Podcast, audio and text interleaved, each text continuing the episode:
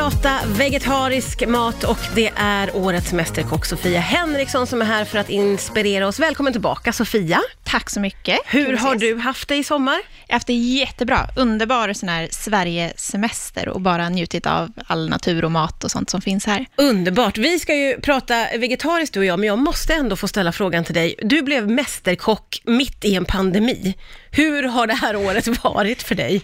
Nej, men jag tror att eh, det har varit speciellt för alla. Och det är väl klart att det skiljer sig från tidigare år också, när, ja men just Mästerkocksvinnaren. För det är ju mycket event och mässor och sånt som, som är på gång. Men eh, det är också kul, för det blir ju någonting annat. Man får göra det bästa av det och öppnar nya dörrar, tycker jag definitivt. Ja, och, och det kan du känna att du har liksom fått kliva in i ett, ett nytt, en ny slags karriär efter Gud ja, absolut. Nu är det ju verkligen mat på heltid, vilket var drömmen. Så Ja. det är hur kul som helst. Gud vad häftigt.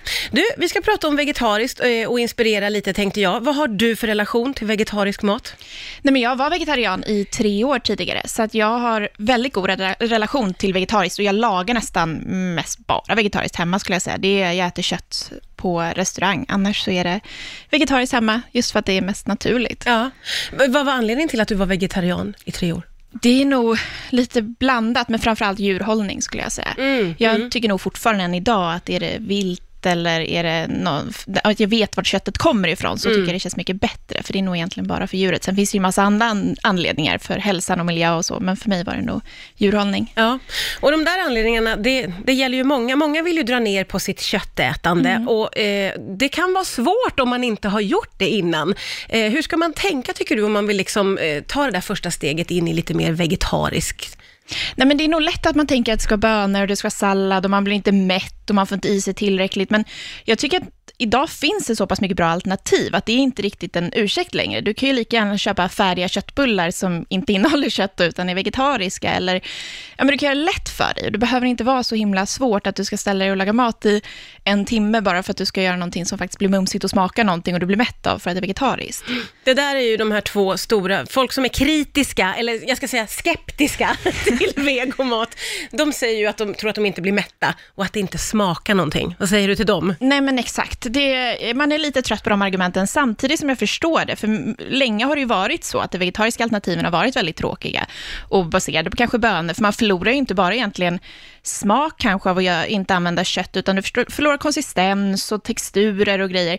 Men det kan du ju väga upp med annat, så det går ju fortfarande med ganska enkla medel att få vegetarisk mat att smaka jättemycket. Du är ju, skulle jag säga, eh, ett geni vad gäller att göra klassiska maträtter, gör ju du. Fast helt vegetariskt, det är inga problem. Nej, men verkligen. Jag gör alltid om jag gör bœuf bourguignon eller jag menar, en bolognese eller kåldolmar för den delen. Allt sånt tycker jag är hur gott som helst att göra vegetariskt. Och vad gör du om du gör kåldolmar? Vad, vad, vad använder du då? Då då? använder jag Tartex, heter det. Det är som en eh, vegetarisk eller grönsaksbaserad och svamp med mm, pastej, skulle man kunna Okej, säga. ja. Och den pastan eller pastejen går jättebra och det smakar hur mycket som helst att ha i den. För det där tror jag också kan vara eh, eh, en liten oro. Man, man vill gå mot ett mer vegetariskt håll, men så har man ju fredagsmys med tacos till exempel. Hur kan man tänka kring det?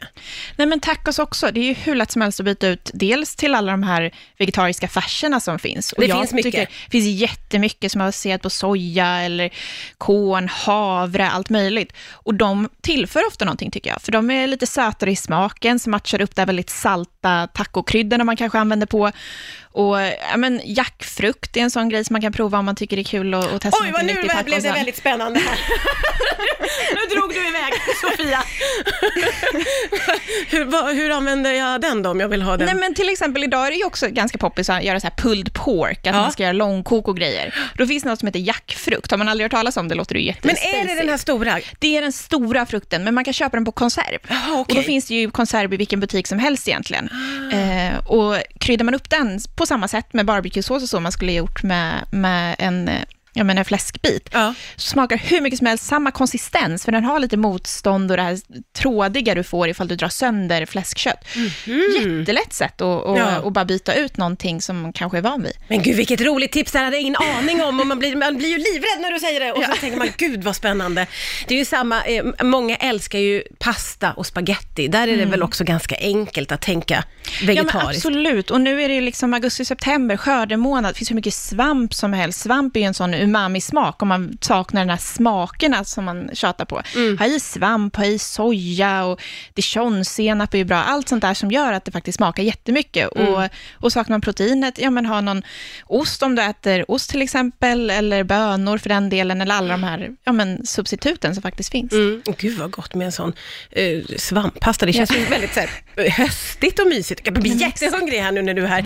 Eh, det här med eh, att våga liksom här, det handlar väl lite grann om att om man ska bli lite mer vegetarisk så måste man våga kliva ur sitt vanliga gamla tänk egentligen. Ja, men L- precis. Lite så. Och då är det ju inte steget så långt som vi sa, eh, att göra om en pasta är inte så jättesvårt. Jag tänker soppor är väl någonting som är... Soppor är underbart och nu när det börjar bli höst Ja. är det mysiga som finns att slänga på en soppa. Och ja, men just det att soppor är lätta att smaka upp också. Där kan du ju ha i ja, men allt möjligt som bara smakar hur mycket som helst och göra en tomatsoppa, ja, men tomatpuré, bara det. Ja. Det är en sån enkel grej men så mycket smak i. Och ja, men fänkål och du kan använda allt möjligt som Ja, men tror jag passar också alla åldrar, eller alla smaker och alla allergier. Det det är lätt att anpassa en soppa på alla visst, sätt. Verkligen, och en god varm soppa och nybakat bröd. Åh Ah, herregud, Ja. det är ju drömmen. Ja, men det är verkligen drömmen. Och det är så härligt nu när det blir höst, när man kan tänka på sådana grytor också. Ja, olika, eller hur? Ja, men curry och grejer. Ja, underbart. Eh, vad har du själv för vegetariska favoriter? Jag vet, nu, du är ju väldigt mycket i det vegetariska, men har du någon riktig sån paradrätt eller favvo? Ja, nej, men det spretar nog rätt mycket. Dels älskar jag att göra vegetariska hamburgare. Jag har en hamburgare med, med hasselnötter och svart vitlök och sånt i för att det ska smaka mycket. Oj, oj, oj. Det mesta är sånt man har hemma, förutom svart vitlök skulle jag säga. Ja. Men, eh, men just för att det ska smaka ordentligt. Men även risotto älskar jag att göra, just för Ah. att svamprisotto och olika sorters... Ja, men risotto smakar mycket i sig och du Ja. kan ha saffran i och allt möjligt för att det Går ska vara gott. variera och går att hålla väldigt enkel och ändå är det så himla, himla gott ju. Nej, men precis. Och man kan låta, om man vill toppa det med någon, någon ja, men grönsak eller så, så blir den i fokus, vilket är ganska kul, och leka med konsistenserna på det sättet. Mm. Eh, Men annars är det just, ja men bourguignon till exempel, tycker jag är så gott att, att göra vegetariskt. Alltså den typen av matlagning gör ju att man längtar till hösten. Ja, men jag längtar så mycket nu när vi pratar om det. Det. Jag sitter och tänker på så här mörka kvällar med ljus tända och man Ja. sitter och äter en gryta. Och, vad trevligt. Supermysigt, underbart. Eh, så himla roligt att du kom hit och tipsade. Din kokbok eh, finns ju ute och där finns det väldigt många Ja, vegetariska. nästan allt är vegetariskt i min kokbok. Så att, eh, Recept. jätteroligt. kan vi skicka med folk. Sofia Henriksson, tusen tack för att Tack du kom hit idag.